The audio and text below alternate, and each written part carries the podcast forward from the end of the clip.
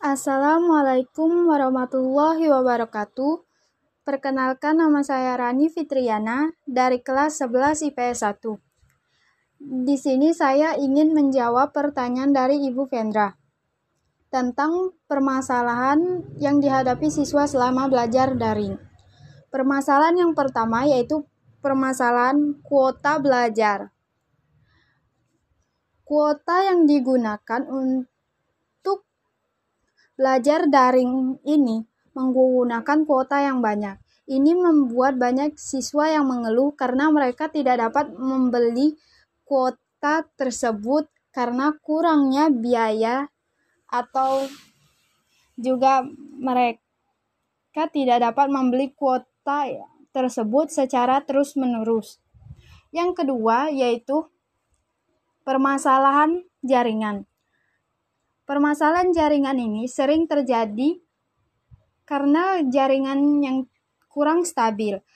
Jaringan yang kurang stabil ini membuat atau menghambat proses belajar mengajar antara guru dan siswa. Apalagi bagi siswa yang di daerah-daerah terpencil. Biasanya jaringan yang di sana lebih le, lebih rendah daripada jaringan-jaringan yang ada di daerah lain.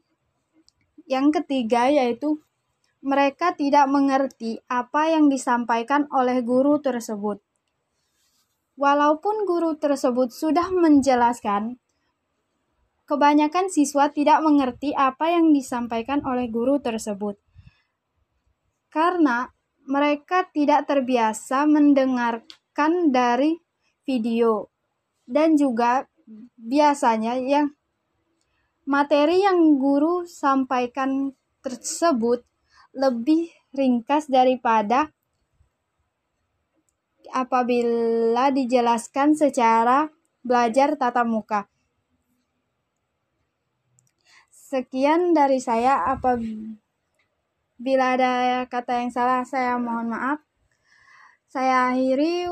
Wassalamualaikum warahmatullahi wabarakatuh.